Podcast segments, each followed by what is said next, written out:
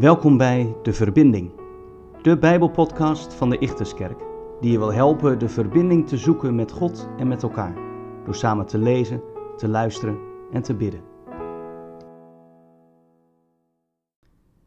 We lezen vandaag Filippenzen 3, vers 17 tot en met 21. Volg mij na, broeders en zusters, en kijk naar hen die leven volgens het voorbeeld dat wij u gegeven hebben.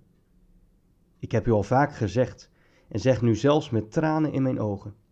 Velen leven als vijand van het kruis van Christus. Ze gaan hun ondergang tegemoet.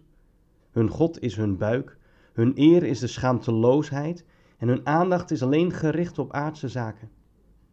Maar wij hebben ons burgerrecht in de hemel. En vandaar verwachten wij onze redder, de Heer Jezus Christus. Met de kracht waarmee Hij in staat is alles aan zich te onderwerpen, zal Hij ons armzalig lichaam gelijk maken aan Zijn verheerlijk lichaam. We reizen vandaag de dag niet meer zoveel. En zo zal het ook al een tijdje geleden zijn dat je voor het laatst op je paspoort hebt gekeken.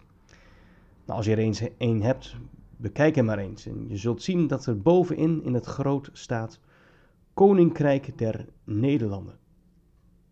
Bij mijn nationaliteit staat ingevuld Nederlandse. Het laat zien waar we vandaan komen, tot welk koninkrijk we behoren.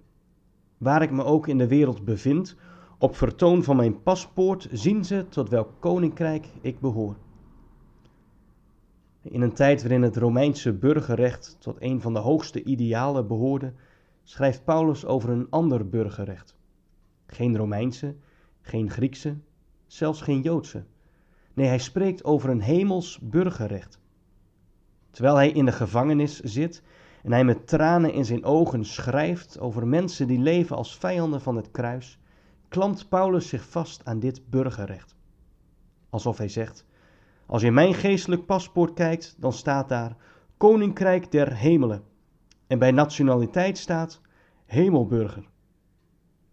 Ondanks de boeien en de tralies, de verdeeldheid en strijd in de kerk, klampt Paulus zich vast aan deze hoop. Ik hoor bij het koninkrijk der hemelen en zal daar eens thuiskomen.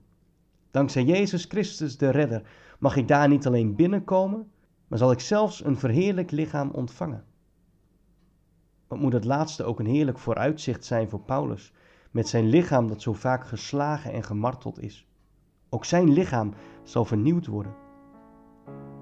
Door de crisis in de wereld kunnen we ons ook gevangen voelen, een gevangene aan huis. Net als in Paulus' dagen is er strijd en verdeeldheid in de kerken. Laten we niet ontmoedigd raken, maar hoop en moed houden. Zeg het maar na met Paulus. Ik ben een burger van het hemelrijk. Dank u wel, Hemelse Vader, dat door het werk van uw Zoon ik een hemels paspoort heb. Leer mij te leven uit die hoop. Amen.